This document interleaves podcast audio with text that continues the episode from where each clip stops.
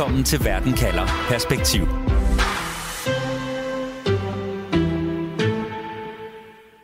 De ødelægger vigtig infrastruktur og dræber mennesker i Ukraine, men de flyver også ind på russisk jord og rammer alt fra lejligheder til russiske krigsskibe og flådebaser. Droner bliver brugt i hidtil uset omfang i krigen mellem Rusland og Ukraine. Ukraine mister op mod 10.000 droner om måneden, og de flyvende våben har både indflydelse på krigen i luftrummet og på de soldater, der ligger i skyttegravene. De ved nemlig nøjagtigt, hvor fjenden er, men de er også langt mere udsatte, fordi enhver bevægelse bliver opsnappet af den selv samme fjende. Så hvad betyder dronekrigen for, hvordan ukrainerne og russerne kæmper? Det handler programmet om i dag, hvor jeg spørger, kan droner afgøre krigen. Jeg hedder Stine Krohmann Dragsted. Velkommen til Verden kalder perspektiv, hvor jeg stiller et spørgsmål, der giver dig perspektiv på verden omkring os, og på 30 minutter giver dig et svar. Du lytter til Radio 4. Og velkommen til dig, Rasmus Ross. Jo, tak. Du er militæranalytiker ved Center for Luft- og Rumoperationer på Forsvarsakademiet. Rasmus, når vi taler om brugen af droner, så hjælp mig lige først med at forstå, hvor vigtige de er. Altså, hvor central en rolle har droner fået i krigen?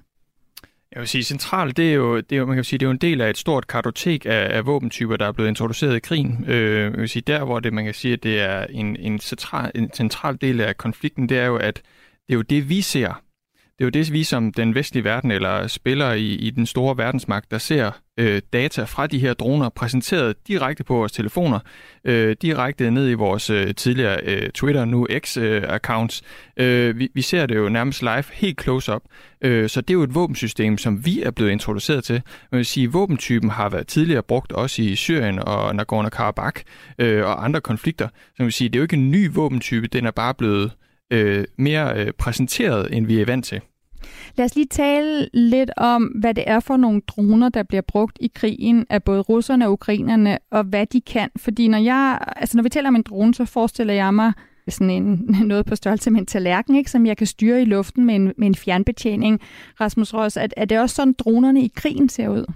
Det gør de blandt andet også. Altså dem, du tænker på, det er jo nok sådan en typisk quadcopter. Sådan en øh, DJI Mavic 3 er jo en af de mest brugte. De kalder det jo faktisk for arbejdshesten øh, i, øh, i konflikten, blandt andet på, altså på den ukrainske side. Men derudover så har du også mange andre typer af droner, og der, altså man kan sige, udviklingen, det, det sker jo nærmest fra dag til dag, og vi bliver klogere øh, på begge sider af fronten øh, på, hvordan vi skal udnytte de her systemer. Øh, og derfor så følger vi det jo også tæt, fordi man kan sige, det er jo, det er jo noget, der sker i rivende udvikling. Øh, det man også ser systemer, ud over selvfølgelig den, jeg lige nævnte, den du øh, taler om, Stine, så handler det også om de her lidt større systemer, som vi lige pludselig har set introduceret, både ind over, hvad hedder det, ind over Moskva, men også andre større byer, øh, og de to på den anden side, altså ind over Kiev. Altså systemerne er blevet større, øh, de, er blevet, de har fået længere rækkevidde, de har lige pludselig kunne løse nogle andre type opgaver, uh, og derfor så, øh, så, så ændrer man kan sige, spillets regler sig hele tiden, uh, fordi mulighederne de opstår. Mm. Så det er forskellige droner, der bliver brugt, og det er også forskellige droner, som ukrainerne og russerne hver især bruger. Ukrainerne har adgang til droner, som bliver produceret i de vestlige lande, mens russerne får droner fra for eksempel Iran. Hvad er forskellen på de droner, som russerne bruger, og de droner, ukrainerne bruger? Jeg vil sige det sådan, altså fordi at Ukraine har adgang til et større kartotek af muligheder, så, øh, så, så øh, og, og dermed også teknologier, øh, og har været med i den her udvikling. Man skal huske på, at Ukraine har jo også selv en stor våbenindustri, og det havde de også før konflikten, øh, og producerer faktisk også selv droner, blandt andet øh, den her Beaver, som man øh, formoder er den, der er fløjet ind over Moskva, øh, og derudover også den her UJ-22 Airborne, som også er en, en mellemstørrelse. Det ligner jo nærmest sådan en lille Cessna, ikke? Øh, propelflyver, øh, og, og, og det, er jo, det er jo nogle våbensystemer, som de selv har udviklet, men derudover så har de også øh, adgang til hele den vestlige palette, helt gående fra et helt små nanodroner op til de her, hvad vi kan kalde øh, middelklasse, mellemklasse øh, droner og våbensystemer, og de kan indsætte dem i alle mulige forskellige øh, situationer. Hvor Rusland på den anden side, de står en lidt mere, hvad kan man sige, i en, i en snæver palette. De har deres egne systemer, de er faktisk selv i gang med at udvikle, og er måske også blevet bevidste om, at deres egen øh, teknologiske udvikling måske ikke har været der, så de har været nødt til at ty til de få lande, som der egentlig er tilbage, som de kan handle med, og det er blandt andet de her øh, loitering munition, altså de her øh, Shahed-droner, som man ser øh, også i daglig tale kaldt kamikaze-droner. Det er jo også en mellemklasse størrelse drone, men det lyder lidt ligesom sådan en plæneklipper, når den kommer flyvende, men den har stadigvæk en voldsom virkning mod øh, dem, der eventuelt får dem i hovedet. Ja, det er en lyd, som øh, min anden gæst i programmet øh, har hørt. Jeg kan lige byde velkommen til dig også, Stefan Weikart. Velkommen til Verden kalder. Mange tak skal du have. Du har fortalt, at du tror, du har, du har hørt sådan en øh, iransk drone. Øh, jo, altså, vi har jo haft flere med de der iranske droneangreb mod Kiev. Øh, jeg bor selv på, på 14. etage, så når vi har haft øh, dem flyvende over hovedet på os, så kan vi jo godt høre det. Øhm, øh, så vi, altså, det er svært at vide præcis, hvad der flyver over hovedet på os, men jeg har hørt den der nærmest den der græsslåmaskine, øh, kom flyvende over lejligheden, kan man sige. Mm. Lad mig lige introducere dig ordentligt. Du er journalist i, i Ukraine, du er med fra Kiev, og, og som du siger, en by, der jo i den grad bliver, bliver ramt af droneangreb. Du var for nylig på besøg i en ukrainsk virksomhed, der arbejder på at udvikle øh, billigere og mere enkle droner, end dem Ukraine får fra os i Vesten. Hvorfor er det så vigtigt, Stefan, for ukrainerne at udvikle billigere og, og mere ukomplicerede droner? Jamen, der, der er flere ting i det. Det ene er prisen. Altså det her med, at hvis du kan producere det til halvdel eller en tredjedel af prisen, jamen, så, øh, så er det selvfølgelig noget, som den ukrainske militær sætter pris på. Og specielt de, øh, hvad man siger, de, de forskellige militærenheder, som nogle gange øh, selv går ud og køber droner, altså øh, også samler ind til dronekøb selv. Så det med, at de ligesom kan få det til en meget billigere pris, det er noget, som de, de forskellige brigader sætter, sætter stor pris på. Øh, Øh, og så er der også øh, noget andet i det i forhold til ligesom at have produktionen i Ukraine i forhold til nogle af de her ting, øh, i stedet for at være så afhængig af, af udlandet hvor man ikke ved, hvordan øh, kan man sige, støtten til Ukraine kommer til at se ud i morgen, eller hvad der ikke bliver muligt, at de kan få fingrene i osv. Øh, så det er også en del af det. Rasmus Ross, militæranalytiker, er vi vidne til en slags dronekapløb her? Det kan man sagtens sige. Øh, og jeg tror, Stefan han har fat i en pointe her. Det er, det er faktisk en, øh, en, en, en nedslidningskrig, vi er vidner til. Øh, og der handler det i sidste ende om ressourcer. Er det så det enkelte våbensystem, som definerer kampen? Det er det måske ikke, men du er bare nødt til at have dine forsyningslinjer, de er nødt til at være korte. Du er nødt til at være sikker på, at du har det inden, øh, inden for, for rækkevidde, og du skal kunne servicere det relativt øh, øh, nemt og simpelt. Øh, og det, det, kan man sige, det er det, ukrainerne de er ved at klargøre nu her, og har faktisk været i gang med det længe. Den førnævnte Beaver-drone, som jeg var inde på, det er jo, øh, det er jo faktisk et crowdfunding-projekt, som den øh, øh, ukrainske efterretningstjeneste, de, øh, de bad folk om at, at fonde, og så har man øh, for, simpelthen udviklet den selv for de her midler. Øh, det vil sige, at man har den øh, egentlig på egen hænder, altså udviklet i en ukrainsk virksomhed. Øh, og det kan man sige, det er jo forsyningssikkerhed, der ved noget. Øh, crowdfunding, det kan jo komme hvor som helst fra i verden. Det er jo penge, der bare går via transfers. Øh, men selve produktionen, det foregår altså i Ukraine. Og det er altså forsyningssikkerhed, der ved noget. Stefan Weikert, du siger, at vi også skal vende os til, at droner ikke bare er noget, der flyver i luften. Altså, at de også kan bevæge sig i vandet og på landjorden. Hvad er det for nogle droner, vi taler om her? Ja, men altså, vi har måske set noget af det her i forbindelse med det, som vi har set angreb på det her, øh, hvad man sige, i, i Sortehavet mod de, mod de russiske skibe. Altså det her med, at der simpelthen sejler en form for båd eller et eller andet hen med nogle sprængstoffer på, som så bliver styret og så eksploderer, når den rammer øh, forskellige ting. Og det, som jeg hører fra mine kilder, det er sådan, sådan nogle ting, der er, bliver udviklet meget mere. Altså simpelthen øh, nogle, hvad kan man sige, nogle, nogle både ikke større end et, øh, et, et sådan surferbot, altså som der så kan styres øh, øh, langt væk fra, og som, som man bare kan putte matte brændstoffer på, og så sendes op igennem øh, kanalsystemer, for eksempel, som jo, man kan sige, går over frontlinjen, øh, både ind i, ind i Rusland, og så ind i de mere øh, besatte områder. Altså, man simpelthen på den måde kan ramme øh, broer øh, og, og troppekoncentrationer osv., altså i, i løbet af de her kanalsystemer, åer osv. Mm. Så Rasmus, droner, der bevæger sig op af kanalsystemer, op af vandløb, hvad er det for en udvikling inden for droner, som krigen har sat i gang? Altså det, her, det er jo relativt nyt, ikke? og det er jo igen, jeg tror, det handler om, at man ser muligheder øh, og udnytter dem. Øh, altså det, det vi ser, det er jo igen, det er jo, det er jo relativt simpel teknologi, som så bare bliver sammensat. Øh, og det svarer jo lidt til dengang, vi selv mødte vejsidebomberne for, det, for første gang, eller de øh, vehicle-borne IEDs, hvor det var køretøjer, der blev brugt som selvmordsvåben.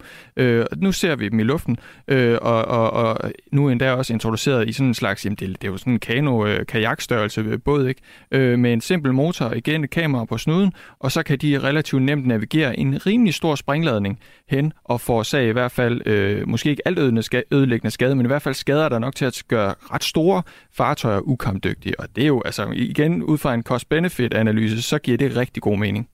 Lad os lige starte i luftrummet og kigge på, hvor vigtige droner er i kampen om luftrummet. Du lytter til Verden kalder Perspektiv på Radio 4. Stefan Weikart, journalist med fra Kiev i Ukraine. Vi står ofte op her i Danmark til beretninger og fra din by i Kiev om, om voldsomme natlige droneangreb. Bliver du stadig advaret af, af natlige sirener, og søger du ly i beskyttelsesrum, når, når russerne sender droner mod Kiev?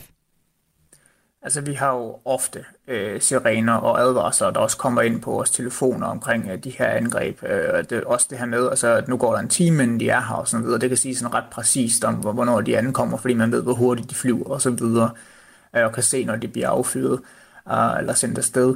Øh, men altså, jeg går ikke længere i bomberum, øh, som var tidligere, altså fordi, at, øh, at det er simpelthen så, så ofte, øh, at det sker, og også fordi, at man kan sige, at risikoen for, at man får noget øh, i hovedet, er, er så lille, både, på grund af, at, at Kiev for eksempel er en kæmpe by, men også, øh, også fordi, at, øh, altså, at det her øh, mulighed, eller hvad man siger, øh, ukrainernes kompetencer til at skyde de her droner ned, er blevet så meget bedre af de her våbensystemer, som de har fået leveret fra Vesten af. Så Rasmus Ross, Stefan Weigert kan se fra sin lejlighed, når de ukrainske antiluftskyt skyder droner ned og, og dermed beskytter Kiev og, og beskytter ham og byens indbyggere. Hvad med de andre ukrainske byer, som bliver ramt? Mangler der antiluftskyts fra Vesten, så Ukraine, øh, altså i stedet for at beskytte alle byer, må prioritere nogle byer over andre? Ja, du har fat i noget, Stine. Altså det, det er netop det her med øh, en, en, en ret øh, kold kalkyle, man er nødt til at lave faktisk, fordi luftværnssystemer er dyre. Øh, lige nu, der koster det mere at skyde en drone ned, end det koster at bygge dronen og sende den anden vej. Øh, og og, og det, det er sådan en ubalance, man bliver ved med at møde. Der findes få af de her systemer, og derfor så er man også nødt til at prioritere dem. Øh, og derfor så vælger man selvfølgelig, øh, hvad kan man sige, ens center of gravity, altså ens eget øh, vigtigste, vigtigste punkter i krigen. Og kan man sige, beslutningsmassen sidder jo i Kiev. Den største del af befolkningen, der ligesom også kan påvirke øh, regeringen, sidder i Kiev, og derfor så er man selvfølgelig nødt til at passe på det magtapparat og selvfølgelig den befolkning, der sidder i Kiev. Øh, og der kan man sige, at den selvfølge burde jo også gælde ude, i, i, øh, ud til de andre stemmer ude i landet. Øh, men du er bare på et eller andet tidspunkt nødt til at trække en, en, en streg i sandet og så sige, herfra øh, længere kan vi sådan set ikke beskytte, og det kommer også til, ind til ens egne styrker. Der kan man sige, skal de så have våbensystemer stående alle steder? Nej, det handler også lige så meget om, at specielt soldaterne, men også at borgerne, de lærer nogle taktikker, øh, de får nogle advarselssystemer, de lærer at, altså, at, at begå sig i et risikofyldt terræn. Det vil sige, hvis de ved, at der er droner i luften, jamen, så skal man ikke lægge sig sammen i en klump eller bevæge sig på bestemte måder, eller udsende øh, for eksempel på det elektromagnetiske spektrum, altså tale radio eller begå sig på anden vis. Øh, tænke lidt mere over skjul og sløring og sådan noget. Og det er jo sådan nogle, sige, nogle ret billige taktikker, man kan, man kan iværksætte. Og det gør jo selvfølgelig, at man ændrer adfærd. Øh, men den ændrer adfærd er altså bare med til at gøre, at man måske er mere sikker, end man, hvis man ikke tænker aktivt over det. Og det kan altså også være en måde at modgå de her systemer på. Så Ukraine bliver ramt af droner fra luftrummet, og det gør Moskva øh, også, altså selv hvis det Kreml i Moskva er blevet ramt af droner, der den bro, der forbinder Krim med Rusland, er blevet ramt, og russiske krigsskibe er blevet ramt med droner, så der bliver også ramt inde på russisk jord, der bliver også lavet droneangreb, Stefan Weikart. Det er jo ikke angreb, som den ukrainske her officielt tager ansvar for, i hvert fald ikke alle sammen, og, og det er indtil nu ikke angreb, der har afgørende betydning for krigen. Hvilke formål mener du, at de her angreb har? Ja, altså, jeg vil sige, en, en del af det er også øh, at styrke moralen inde i Ukraine. Øh, specielt lige nu, hvor at, øh, det, som jeg i hvert fald oplever, det er, at på grund af den her manglende succes øh, med modoffensiven, altså at det ikke rigtig har været lykkedes for den ukrainske her at slå hul på, på den russiske front, øh, i hvert fald ikke på samme måde, som, som det var sidste år. Altså er der ligesom nogen, der begynder at være sådan lidt øh, lidt slukket, lidt nervøse for, om hvordan det kommer til at bære hen af med det her. Og der kan man sige det her med, at man kan ramme ind i Rusland, man kan ramme i Moskva. Det er også noget, der giver i hvert fald et boost øh, i forhold til moralen i det ukrainske samfund, sådan med den almindelige folk på gaden. Øh, men derover så er det jo selvfølgelig også for, for at forsøge at ramme nogle, nogle strategisk vigtige punkter inde i, inde i Rusland. Øh, selvom det selvfølgelig ikke kan gøre så meget skade, de her droner, så er det jo stadigvæk en del af det. Rasmus, er der noget i vejen for, at Ukraine beslutter i meget større grad at angribe mål inde i Rusland med droner? Jeg vil sige, man skal tænke meget over, hvad det er for nogle mål, man angriber, fordi altså, man, krigens lov, de gælder altså stadigvæk, øh, og der er helt klart noget, man skal tænke over der, når man sidder og, og, og, og laver sine planer for en offensiv, øh, fordi krigsdomstolen i Haag, den venter altså på den anden side af det her, øh, og, og derfor så skal man selvfølgelig tage militær lønnende mål ud, Øh, det nytter ikke at ramme civilbefolkningen, øh, fordi det er ikke militært lovligt at ramme en, en civilbefolkning, til trods for, at det er ens modstanders. Øh, der er bare nogle helt øh, basale øh, krigslovgivninger, som man er nødt til at overholde. Øh, og det, det, det gælder stadigvæk, til trods for, at man kan sige, at, at alt det skrider lidt, og det begynder at blive lidt en gråzone, og modstanderen gør det selv osv. Man er stadigvæk nødt til at holde sin egen sti øh, relativt ren, fordi der er stadigvæk øh, et efterspil efter krigen. Lad os vende os fra luftrummet til, hvor vigtig brugen er, at droner er på slagmarken. Radio 4 taler med Danmark.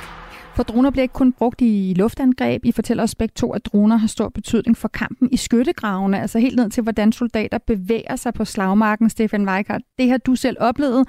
Du har været med ukrainske soldater ude at køre på det, der kaldes Helvedesvejen. Hvorfor hedder den det?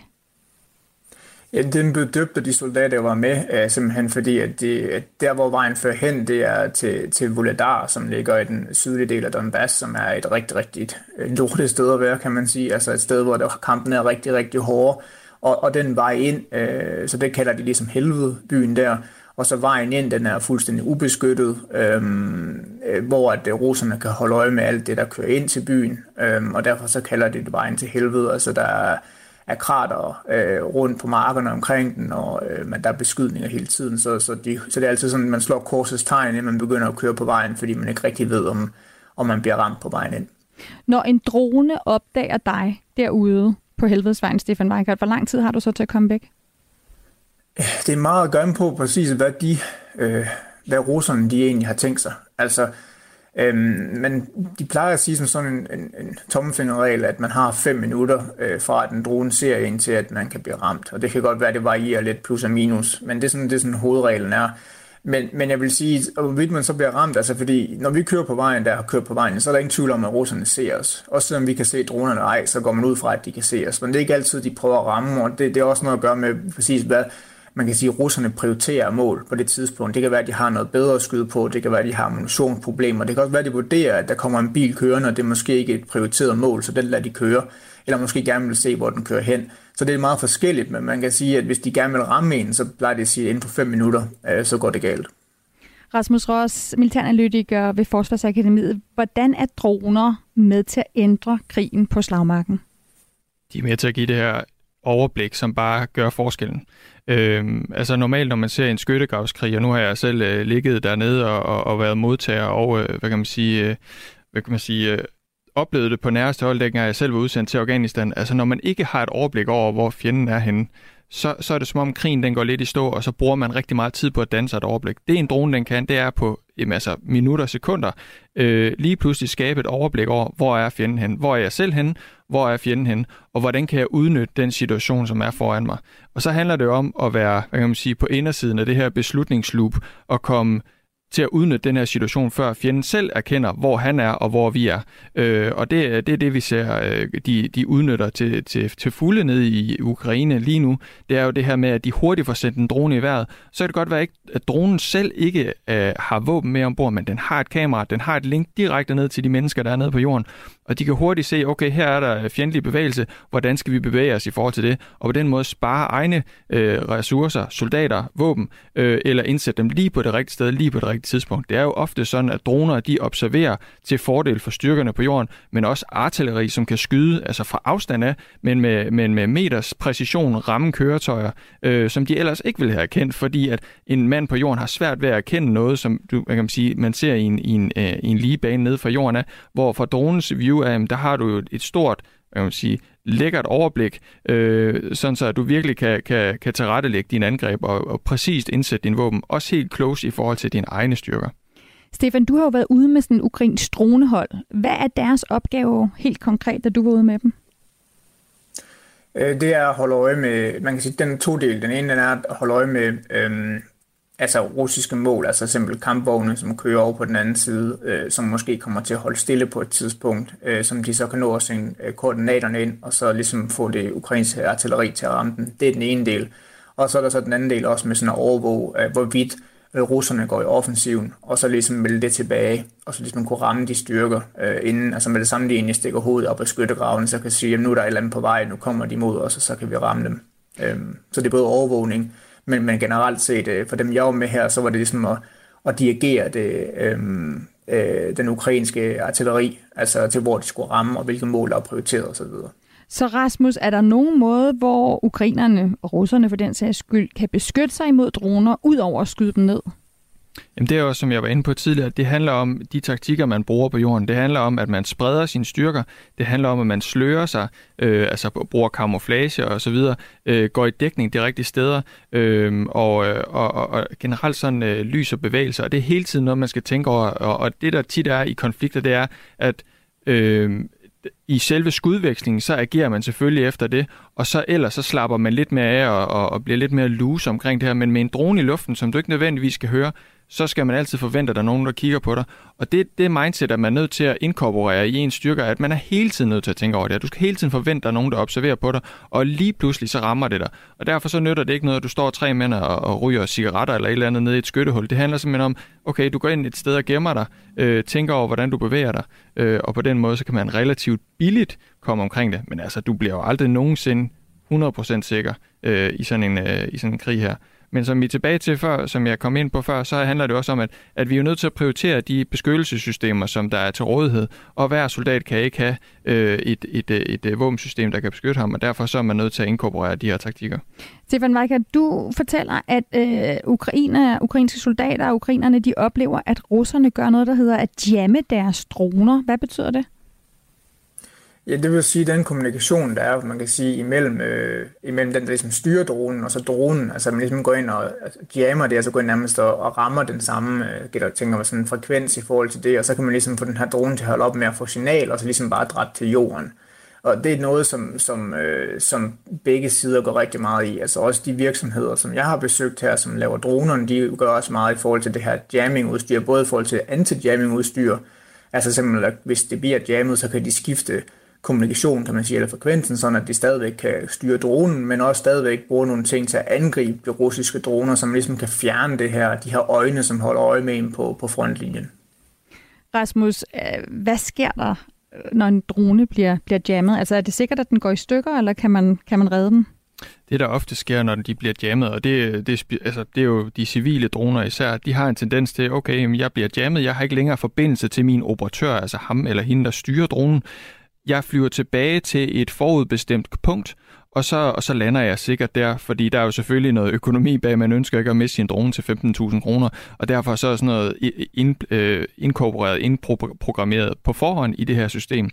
Det er jo også en ulempe for droneoperatøren, fordi hvis et, øh, et våbensystem, det bliver, hvad kan man sige, eller en, en dro, et dronesystem bliver jammet og flyver tilbage til sin ejer, så lige pludselig så ved modstanderen, hvor man er henne. Øh, og det, det har man selvfølgelig været nødt til at indføre nogle taktikker omkring, og det her er blandt andet sådan noget som, at, at, øh, at, de, øh, at de ikke launcher samme sted fra, hvor de sidder og opererer. Så går de ud af launcheren, og så går de væk fra dronen, øh, hvad hedder det, og sætter sig i skjul og sløring et andet sted, imens de opererer dronen. Og igen, når den returnerer, så sidder de og observerer på dronen og ser, om der kommer øh, et artillerinedslag eller raketter eller et eller andet angreb inden for nogle minutter. Hvis ikke der gør dem, så kan de med sikkerhed gå ud og hente dronen igen. Og på den måde, det er sådan nogle billige taktikker, men det nytter bare øh, i de store, fordi ellers så mister vi alle operatørerne, og det er jo også en del af hvad man sige, forsyningskæden til den her nedslidningskrig. Droner har altså fået en kæmpe betydning både i luftrummet, på slagmarken og måske også nu i, i vandet. Så lad os prøve at få en konklusion på det spørgsmål, jeg stiller i dag. Du lytter til Radio 4. Stefan Weikart, kan droner afgøre krigen? Øhm, nej, det vil jeg sige, isoleret set, så kan de ikke. Øhm, men, men jeg har endnu ikke mødt en, en, en ukrainsk soldat, som ikke har fortalt mig, at de er altafgørende for både forsvar og, og angreb. Altså specielt nu her med den ukrainske modoffensiv, som er i gang, jamen altså der siger de jo, at de kan ikke rigtig komme frem af, medmindre de ligesom får de her øh, russiske droner sat ud af spillet, fordi med det samme de stikker hovedet op af, af skyttegraven og begynder at bevæge sig imod de, øh, de, de russiske positioner, jamen så bliver de ramt, hvis det er sådan, at øh, russerne kan holde øje med dem. Så på den måde kan man sige, at de har en rigtig vigtig opgave, men det er jo selvfølgelig ikke alt afgørende. Rasmus Ross, kan droner afgøre krigen? Altså, det er jo noget, vi diskuterer i militære kredse, og jeg tror, vi er ved at nå til en konsensus om, at nej, det kan de ikke, men de er en medgørende faktor. Det er, altså, det er brugen af hele paletten af alle våbensystemer, som gør, at, øh, at Ukraine forhåbentlig kommer til at vinde den her krig her. Øh, men, og, og derfor så skal man hele tiden ikke bare kæ, kæ, hvad hedder det, tænke i enkelte systemer, men det er helt klart en medvirkende faktor, og så tror jeg også, det betyder rigtig meget på den strategiske kommunikation, både indad i Ukraine, men lige så meget ud af, fordi der er også nogle bidragsydere, der sidder derude. Så øh, det er det, Ukraine skal tænke, hvis de bedst skal drage fordel af, at droner har forandret krigsførelsen, siger du? Jeg synes, de skal fortsætte der, hvor de gør lige nu, øh, med, med brugen af droner. Jeg synes, de skal fortsætte øh, udviklingen, hvis det, hvis, øh, hvis det er den vej, de ønsker at gå selvfølgelig. Men altså, det, det, det giver bare militært rigtig god mening, men også lige så meget på den strategiske kommunikation. Og derfor skal de også hele tiden blive med at tænke over, hvor, hvordan er det, de anvender de her systemer. Som jeg sagde tidligere, mm. have venter, når det her det er slut. Sådan sagde Rasmus Ross, militæranalytiker ved Center for Luftvåben og Rumoperationer på Forsvarsakademiet, og Stefan Weikart, Ukraine-journalist bosat i Kiev. Tusind tak begge to for at være med. Mange tak. Selv tak. Og husk, at uanset hvad der sker, så kan du få svar på et afgørende spørgsmål lige her i Verden kalder med mig, Stine Krohmann Dragsted. Det er mandag og torsdag, jeg sender programmet live, og så kan du altid lytte til Verden kalder som podcast, lige når du vil. For eksempel ved at finde Verden kalder på Radio 4's app, eller der, hvor du lytter til dine podcast. Husk at følge Verden kalder, så får du altid de aller seneste programmer. Du har lyttet til en podcast fra Radio 4. Find flere episoder i vores app, eller der, hvor du lytter til podcast.